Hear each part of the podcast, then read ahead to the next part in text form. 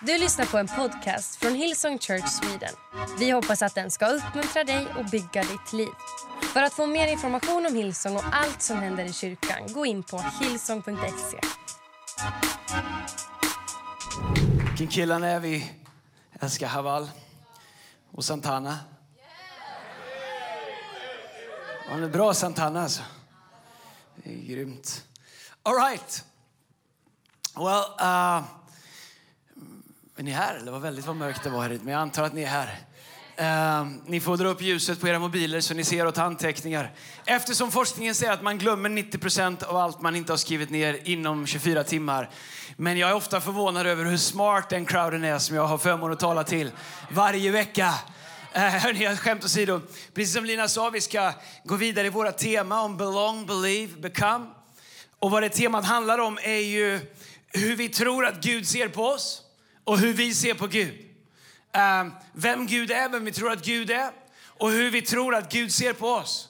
Därför att det är de avgörande sakerna, vem vi säger att Gud är och Jesus och den helige Ande. Och vad vi tror att han säger att vi är. Det är avgörande för vad våra liv blir. Därifrån byggs allting. Jag älskar eh, hur Havall Haval pratar om att han, han, var, han, han, han var välkommen till kyrkan. Han var välkommen in i gemenskap. Han kunde närma sig innan han hade sorterat ut allt vad han trodde på. Det var det vi pratade om förra veckan, att Jesus och Gud är en Gud som säger välkommen. Om vi säger, men jag är inte säker på att jag tror på det. Jesus säger, det är lugnt, jag tror på mig själv, jag, jag vet vem jag är. Och, och så välkomnar Gud oss med honom på resan, så att vi kan upptäcka tro. Och vi är kallade att leva liv där människor kan leva, inte riktigt klara med vad de tror på och vem Gud är men ändå vara övertygade om att de hör hemma, att de älskar, att de är värdefulla.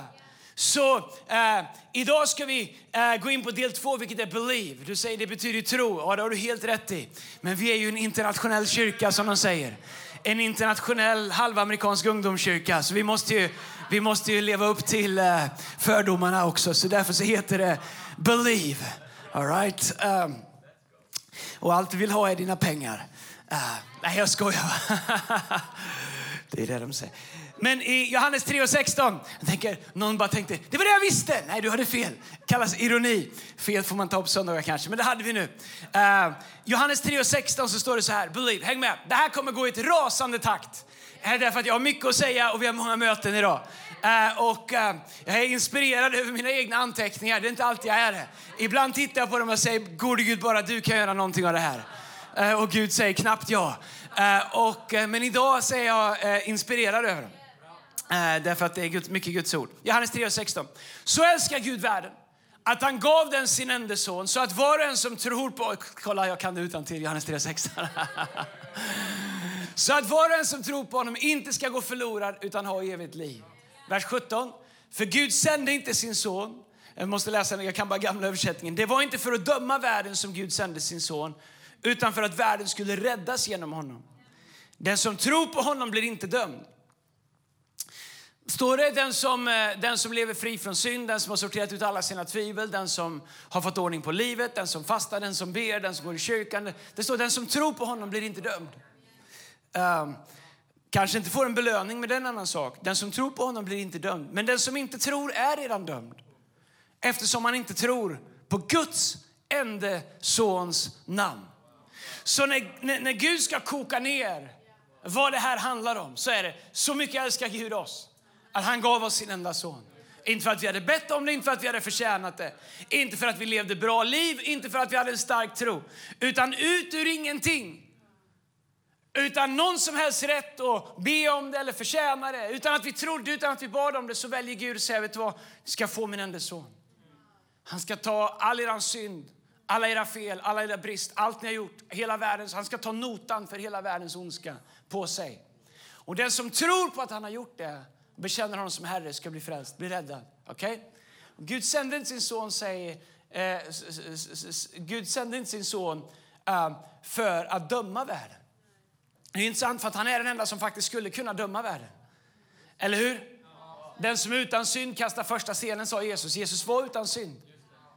Så det, det imperativet är viktigt att han säger det är, det, Gud sände inte sin son för att döma världen. Vi tänker att ja, men det är för att han är god. Nej, det är för att han hade möjlighet att göra det. Han är den enda som hade kunnat säga Andreas kom för att prata med dig. Här är din skuld, här är din nota. Det är dags för dig att du tar den. Han skulle kunna göra det.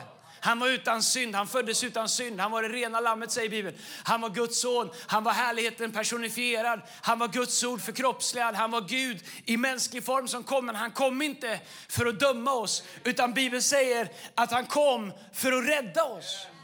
Och den som tror på honom blir inte dömd. Men den som inte tror på honom är redan dömd. Varför? Därför att den har aldrig tagit emot förlåtelse som han lever med sin egendom. Det är som att jag håller min egen nota för mitt liv i handen och jag säger Gud, jag vill inte att du betalar den åt mig. Jag vill hålla i den själv och Gud säger, då är du dömd för du kan aldrig betala den. Hur ska jag kunna betala för mina egna fel? Vad är det vi tror på i kyrkan egentligen? När vi säger tro, så är det viktigt att du förstår vad det är vi tror. Du Andreas, det här är ju liksom punkt 1a. Ändå är det här det svåraste med allt med våran tro. Att sortera ut vad är det egentligen som betyder någonting. Att förstå det, att tro det, att förklara det, att dela det. Hemligheten av korset, hemligheten av Jesus. För grejen är så här, allt som krävs för att bli frälst är att tro på Jesus. Den som tror på honom blir inte dömd. Allt som läggs ovanpå det, som saker vi måste göra för att inte bli dömda, det är religiösa pålagor som inte finns i Bibeln.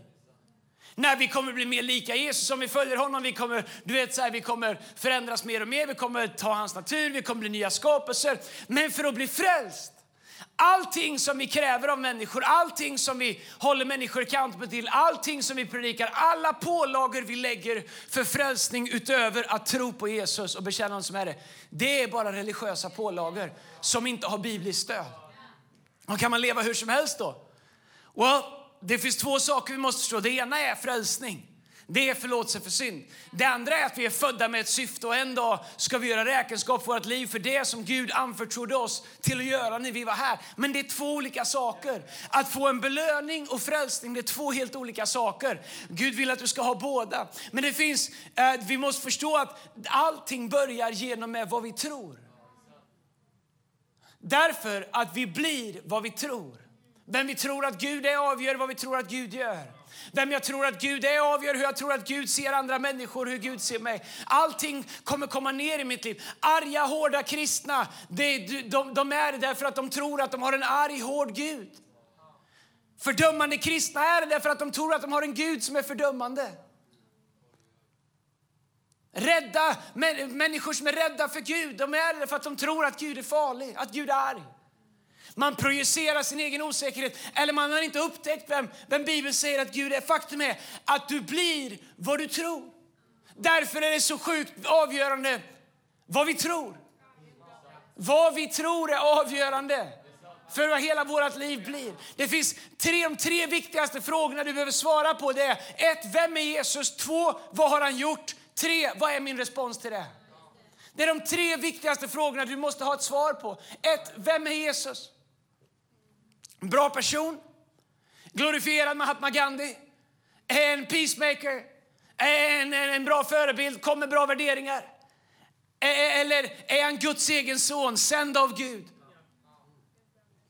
Han som lämnade sin tron, säger Filipperbrevet, och såg inte sin tillvaro som sitt segerbyte utan offrade och utgav sig själv. När han som var högst kom lägst ner och blev allas tjänare för att ge oss det vi inte, det vi inte förtjänade. Vem är Jesus? Är han Guds son? Är han det felfria lammet? Är han alfa och omega? Är han den som fanns före allt, som finns efter allt? Är han den som har namnet över alla andra namn? Är han den som håller himmel och jord i sin hand? Är han mästaren? Är han Herre? Eller är han bara en bra person? Är han en hjälpare? För problemet för många kristna det är att de behandlar Jesus som den helige Ande. Man behandlar Jesus som att han vore min hjälpare som ska hjälpa mig lite grann. Låt mig bara säga en sak. Jesus han är inte din hjälpare. Han är din Herre. Eller så är han ingenting. Du har fått en hjälpare. Han heter den helige Ande. Jesus säger, jag går till Fadern, jag ska göra rum för er. Jag lämnar er inte ensamma. Under tiden ska ni få hjälparen, den helige Ande. Han ska vara hos er alltid. Men tro för allt i världen inte att Jesus är din hjälpare hjälpare.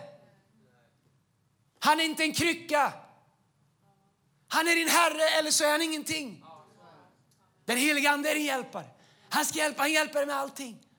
Han, han, han, finns, han är vishet, han är styrka, han är kraft, han är, han är, han är allt. Men Jesus, tre frågor. Vem är han? Vad har han gjort? Och vad är min respons till vad han har gjort? Tro handlar om hur vi förhåller oss till Jesus. Du förstår att bara tro att Jesus är Guds son men inte låta honom bli herre i våra liv. Det har heller ingen riktig effekt. Djävulen är övertygad om att Jesus är Guds son. Ja, han vet det, han har varit där från början, han vet att han är Guds han vet vem han är.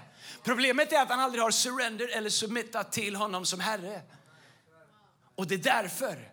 Så att tro på Jesus i sig gör ingen skillnad. Vi ska komma till det lite idag. Jag har, jag har liksom roliga saker också. Det kommer, men, men jag vill ändå bara säga det. Ibland får man, jag vill ändå bara säga att den är, den är vi. Om jag får använda så gammaldags och kanske eh, starka ord som att den är vi underordnar oss Jesus som Herre i våra liv. I alla områden i våra liv. Det är först då Jesus blir vad Jesus kan vara och vill vara i våra liv. Om han är vår hjälpare, då är han kanske någonting, men han är inte den han skulle kunna vara. Att vi tror på honom det är jättebra, men det gör djävulen också. Det säger Bibeln. Att andarna tror på honom och bävar. Men när du och jag väljer att acceptera honom, inte bara som vår frälsare, men också som vår Herre. När vi låter honom bli mästaren i våra liv, en auktoritet i våra liv. När vi böjer oss. Det är när Paulus han säger, därför böjer jag mig inför allt vad Fader heter. Han som har skapat himmel och jord. Paulus säger, jag böjer mig inför honom. Han är min Herre. Nu lever inte längre jag, utan Kristus lever i mig, säger han. Jag har gett upp platsen, tronen i mitt liv. Jag har gett upp den, jag har gett den till Jesus. Han tog min synd, han tog mina fel. Paulus som säger, jag var den värsta syndaren av alla, men Jesus förlät mig all min synd. Okej, okay, det finns tre saker vi behöver tro. Okay? Uh, eh, om man skulle koka ner det. Så häng med här nu. Vi har inte jättelång tid, men uh, vi har mycket att göra. Punkt nummer ett. Får tre punkter idag. Det är, det är bra med punkter. Då kommer ni ihåg det här. Eh, nummer, punkt nummer ett. Tro att det Jesus gjorde på korset var fullkomligt. Man kan tänka det är väl självklart. Well, eh, det, det, det, är det. Men det är jättestor skillnad om det var fullkomligt eller inte. Religion kommer alltid försöka berätta för dig att det krävs mer. Men kolla vad Paulus skriver i Romarbrevet kapitel 5, vers 17. Det blir lite bibelstudie här. Så då står det så här. Om nämligen en enda människas överträdelse, alltså Adam, gjorde så att döden fick makten genom denna. Han säger att när Adam och Eva föll i lustgården, valde en annan väg, så fick ondskan makten, döden fick makten. Det fanns ingen död, fanns ingen sjukdom, allt var perfekt i paradis. Så, så om nämligen en enda människas överträdelse gjorde att döden fick makten genom denna ände, så ska de som får den överflödande nåden, så ska nu de som får den överflödande nåden eh, och rättfärdighetens gåva i ännu högre grad få liv och makt genom en enda. Så han säger en enda Adam gjorde överträdelsen, men vi ska få förlåtelse och försoning genom en enda Jesus Kristus. Ehm, eh, Jesus Kristus. Om alltså en enda överträdelse ledde till en fällande dom för alla människor har också en enda rättfärd, endast rättfärdiga handling lett till rättfärdighet och liv för alla. Genom att en enda människa var olydig blev alla syndare. Men på samma sätt ska alla genom en enda människas lydnad bli rättfärdiga. Lagen kom in för att överträdelsen skulle bli större, eller synlig är vad grundtexten säger, uppenbara. Men där synden blev större, där ökade nåden desto mer. För att så som synden härskade och förde till döden, så skulle nu nåden härska genom rättfärdigheten genom Jesus Kristus, vår Herre, och leda till evigt liv. Så det Paulus säger är att en enda människas fall ledde oss öppnar upp för synden i världen. En enda människas död på korset tog in rättfärdighet och förlåtelse. Och, och, och det är hur vi ställer oss till det. Och så säger Paulus att lagen, den kom för att visa våran brist för att visa våran överträdelse. Varför har vi lag? Lagen du ska inte döda. Är det dumt? Är det jättebra? Du ska inte ljuga, du ska inte begå äktenskapsbrott och du ska hedra din far och din mor. Hör ni det allihopa? Eh, och, och, och alla de här sakerna. Varför kom allt det in? De kom för att visa oss att vi inte var fullkomliga. Ingen kan hålla lagen, ingen kan göra det. Därför kom Jesus. Så, så om vi vill berömma oss av lagen, då, då är lagen vägen till vår frälsning. Alltså att vi skulle bli rättfärdiga genom att vi uppför oss tillräckligt bra. Det är kört för oss allihop. Hur mycket vi än fejkar det. Så lagen är Gamla Testamentets lag, även om det fortfarande är Guds ord. Den var till för en enda sak. Att visa oss att vi behövde en frälsare. Lagens jobb var uppenbara för oss att vi klarar inte det här själva. Vi kommer inte lösa det här själva. Jag kan inte skärpa mig till att bli god. Jag kan inte förändra mitt eget hjärta, jag kan inte smälta mitt stenhjärta och göra så att det blir ett hjärta av kött och blod. Jag kan inte gå tillbaks i tiden och rätta till mina fel. Så, så lagens jobb är för oss att visa oss, jag klarar mig inte själv. Och fienden har attachat sig till lagen och till det för att försöka få oss att leva under fördömelse. Där vi känner att oh, jag klarar inte av att leva upp till lagen och därför måste jag gå om nacke och jag är kass, jag är värdelös. Nej, lagen är inte till för att du ska känna dig kass och värdelös. Lagen är till för att du ska känna jag klarar inte det här själv. Jag behöver en frälsare. Och på samma sak som synden kom genom en man så kom frälsningen genom en man. Och så säger Bibeln att var och en som tror på honom ska bli frälst. Därför så måste du tro att antingen var det Jesus gjorde på korset fullkomligt och tillräckligt och genom vår tro och bekännelse på det så är vi fullkomligt frälsta, fullkomligt eh, rättfärdiga och fullkomligt godkända inför Gud.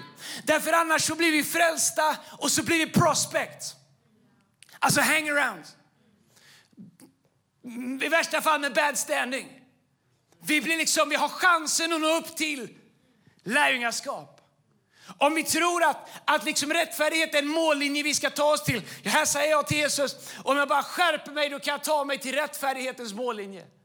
Det evangelium säger att från det ögonblick du säger Jesus, jag vill att du ska vara här i mitt liv, så startar vi på rättfärdighetens mållinje. Och vi kan aldrig gå bakåt så länge vi bekänner Jesus som Herre. Det är därför som vi måste tro på att det Jesus gjorde på korset var fullkomligt. Lagen visar vår otillräcklighet. Präktighet, falsk präktighet i våra liv. Det är bara ett sätt att försöka berömma oss av lagen. Jag är lite bättre. Det, är, det finns en liknelse i Bibeln där en farisé kommer. Det står två B. Den ena är en syndare, den andra en farisé, en skriftlärd, religiös figur som alla såg upp till. Den religiösa figuren går till muren och han, han ber han säger tack gode Gud att jag inte är som han som står där och ber. Men tänker, finns det sådana människor? Vi kanske inte säger det, men hur ofta tänker vi det? Den andra står där och säger gode Gud, jag är inte värd så kom hit och be. Jesus säger, vems bön tror ni att Fadern hörde? Han som står och säger tack gode Gud, jag är i alla fall inte så dålig som han är.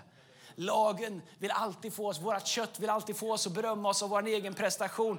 Därför att när vi berömmer oss av vår egen prestation så urholkar vi det Jesus gjorde. Vi säger Jesus du dog på korset men jag är inte så dum jag heller. Jesus, du dog på korset, men nu har jag tionde två gånger i rad. Jag är, inte, jag är med, jag gör någonting också här.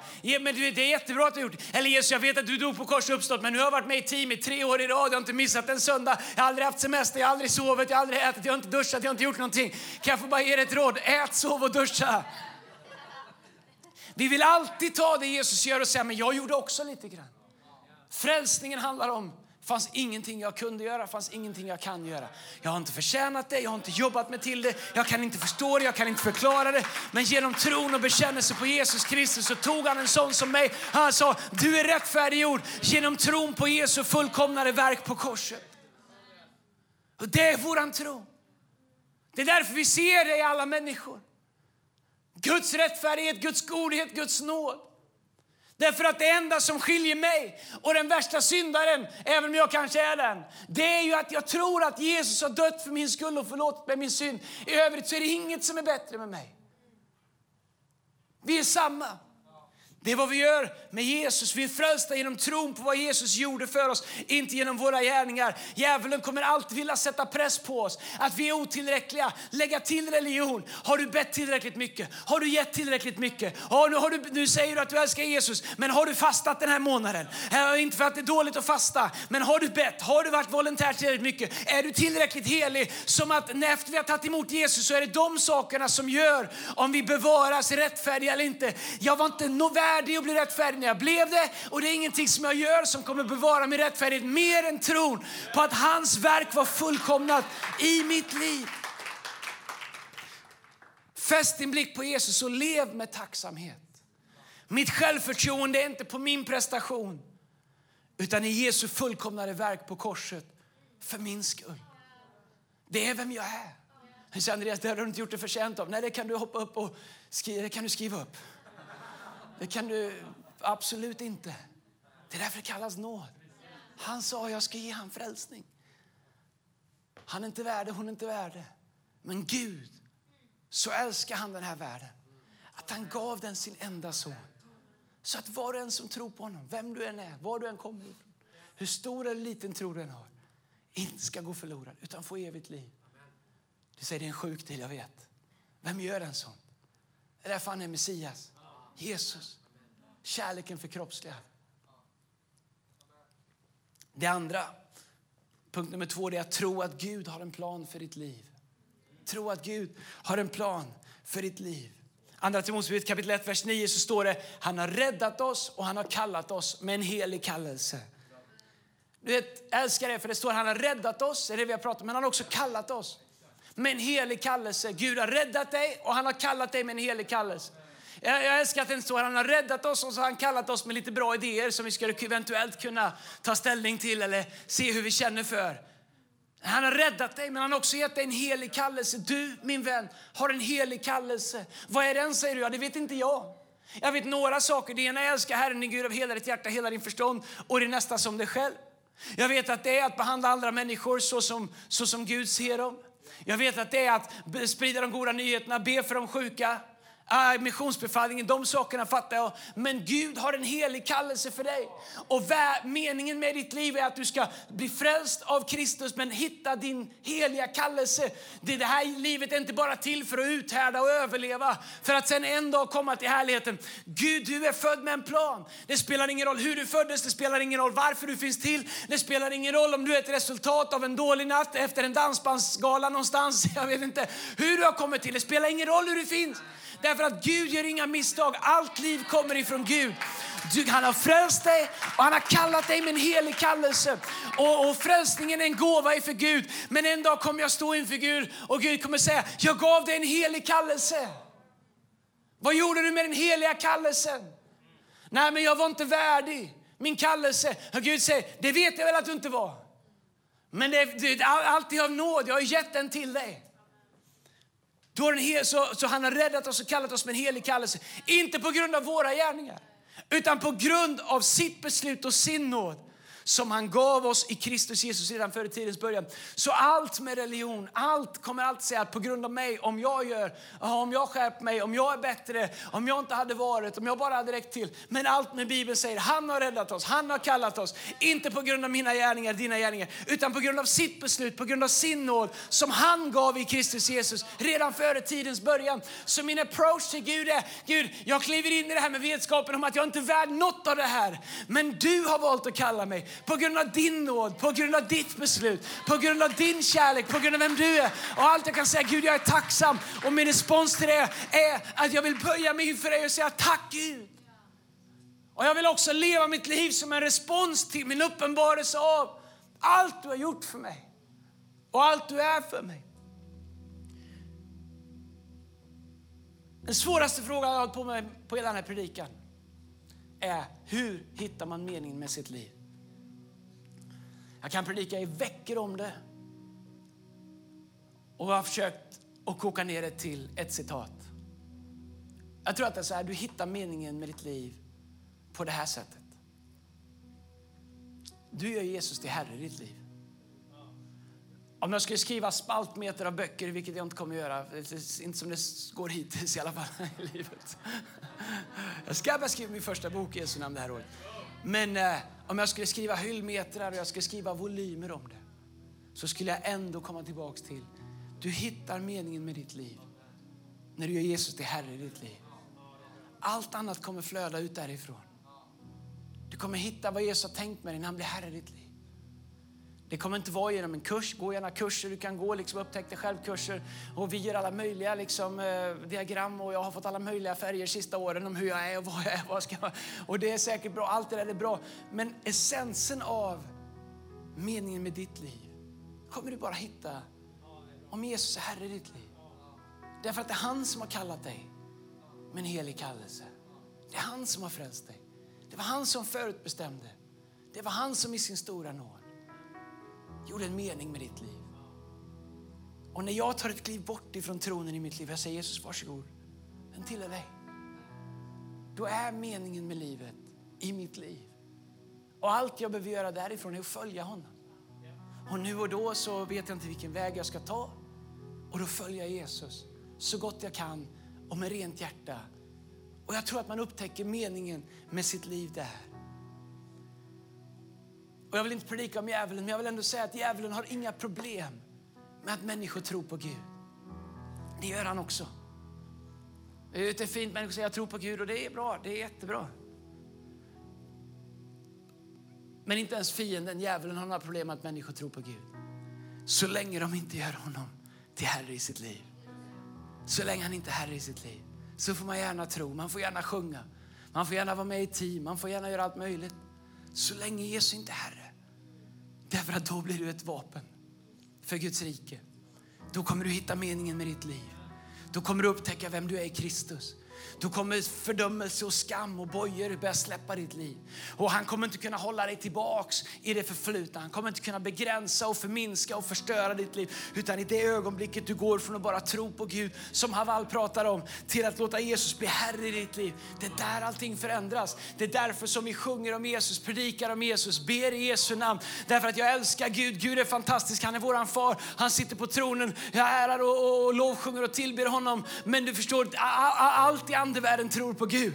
Men det är när vi gör Jesus, Guds son som gav sitt liv och betalade världens synd. Det är när vi gör honom till Herre i våra liv. Det är då allting förändras. Det är den stora skillnaden. Och vi kan debattera Gud hit och dit och tolkningar och hur ska vi göra liturgier och först och sen och hit och dit. Och, och andevärlden bara sitter och garvar och säger fantastiskt, nu har de fullt upp med att debattera om vilken ordning sak ska vara. Medan det finns en hel värld som inte upptäckt att i det ögonblick jag säger Jesus, du är min Herre, Johannes döparen, jag vet vet att jag har en punkt kvar, men det här får gå som det går. Johannes döparen kapitel 20, vers 20. Han säger, jag kan inte tro om jag inte får sticka fingret i hålet på hans hand. Det räcker inte med, med att du säger. Lärjungarna debatterar, de säger, de försöker övertala, de försöker övertala Johannes att Jesus finns. Och Johannes är osäker. Han säger, jag vill tro, men jag kan inte tro. Jag måste få sätta fingret i hålet där de spikar honom. Jesus kommer en andra gång. Han går rätt fram till Johannes. Han säger, här är hålet där de spikar mig. Johannes sätter fingret i hålet. Sen faller han ner på sina knän och han säger min Herre och min Gud. Han gick ifrån att bara tro på Gud som någon han hade vuxit upp och höra om till att säga du är min Herre. Johannes som vi kallar tvivlaren, han var den som tog evangelium längst bort av alla. De försökte koka honom i olja, de försökte avrätta honom, de låste in honom i fängelse, de gjorde allt de kunde. Men de kunde inte få honom att avsäga sig Jesus som Herre i sitt liv. Han som började i tvivel, han stod bergfast längst av allihopa. Johannes, varför? Därför att Gud gick från bara vara någon som han trodde på, hade hört och sett, till att säga du är min Herre. Och i det ögonblicket som Gud blir Herre i våra liv, så säger Bibeln i Fesbrevet kapitel 1 att han har gett oss tillgång till all den himmelska världens andliga välsignelser. Vem har tillgång till det? Jo, alla som säger Jesus, du är min Herre. Jag fattar inte allt, jag är inte färdig, jag faller, mitt liv är inte fullkomligt. Men du är min Herre. Då säger Jesus, all den himmelska världens andliga välsignelse tillhör dig genom Kristus Jesus. The great mediator. Mitt liv visar vad jag tror på och jag måste runda av. Om jag tror att Gud är helig kommer jag vilja leva heligt. Om jag tror att synd är djävulens plan för att få mig att missa Guds syfte för mitt liv, då kommer jag inte vilja synda. Om jag tror att Gud älskar mig, då kommer jag älska andra människor. Om jag tror att Gud är en god Gud, då kommer jag vara god mot andra människor. Som jag tror att Gud är, så kommer jag vara mot mig själv och mot andra människor. Om vi tror att Gud har ett mission, då kommer mitt liv vara förknippat med Guds mission. Om han är Herre i mitt liv. Det tredje och det sista. Tro på vad Gud kan göra. Det första vi pratar om är att tro att det Jesus gjorde på korset var fullkomligt. Det andra är tro att Gud har en plan för ditt liv. Det tredje är tro på vad Gud kan göra. Sätt inga begränsningar på vad Gud kan göra. Lukas kapitel 17, vers 5 så ber lärjungarna Jesus om någonting bra. Det står så här, apostlarna sa till Herren, ge oss mer tro. Herren svarade, om ni hade haft tro som ett senapsfrö skulle ni kunna säga till mullbärsträdet där borta, ryck upp dig själv med rötterna och kasta dig i havet och det skulle lyda er. Vad är det Jesus gör? Ger dem en lavett och, och tillrättavisar dem. Och när han säger, nej, ni behöver inte mycket. Det här är en bra bön. Lärjungarna säger, Jesus ge oss mer tro. Det är en bra bön att be. Jesus ge mig mer tro. Hjälp mig att tro. Sätt inga begränsningar på vad Gud kan göra. Allt du behöver är tro som ett senapskorn och att veta vem det är du tror på och vad han är mäktig att göra. Det är inte storleken på din tro först och främst, det är vem det är du tror på. Det är inte storleken på liksom hur mycket du kan tro ihop. Det är vad du tror att han är mäktig att göra. Alltså min tro den vacklar, men låt mig säga något som aldrig vacklar. Det är vad Jesus kan göra. Han är densamme igår, idag, all livet. Han vacklar inte. Han har aldrig vaknat på morgonen och känt sig osäker på sig själv. Jag har dagar när jag känner mig osäker på mig själv. Jag har dagar när jag känner att min tro vacklar. Men Jesus har aldrig vaknat och tänkt idag vet jag inte om jag har vad som krävs. Nej, du förstår, han vaknar på morgonen som Messias. Eller han vaknar inte för han har aldrig somnat. Han bara existerar. Han är överallt samtidigt. Därför så är det så viktigt när vi kommer till tro att du fattar att tro är liksom inte Åh! Det är liksom inte någon slags förstoppad liksom tillvaro. Mm. Tro! Men det var, oh, yes. Hej, min tro, den är enkel. Allt är möjligt för Jesus. Ingenting är omöjligt för Gud. Bibeln säger, skulle någonting vara omöjligt för Gud? Hur? I don't know. Men du jag har sett Gud göra tillräckligt mycket för att inte tro honom om att han är mäktig att göra allt. Jag kommer aldrig kunna rationalisera ner Gud till mina erfarenheter.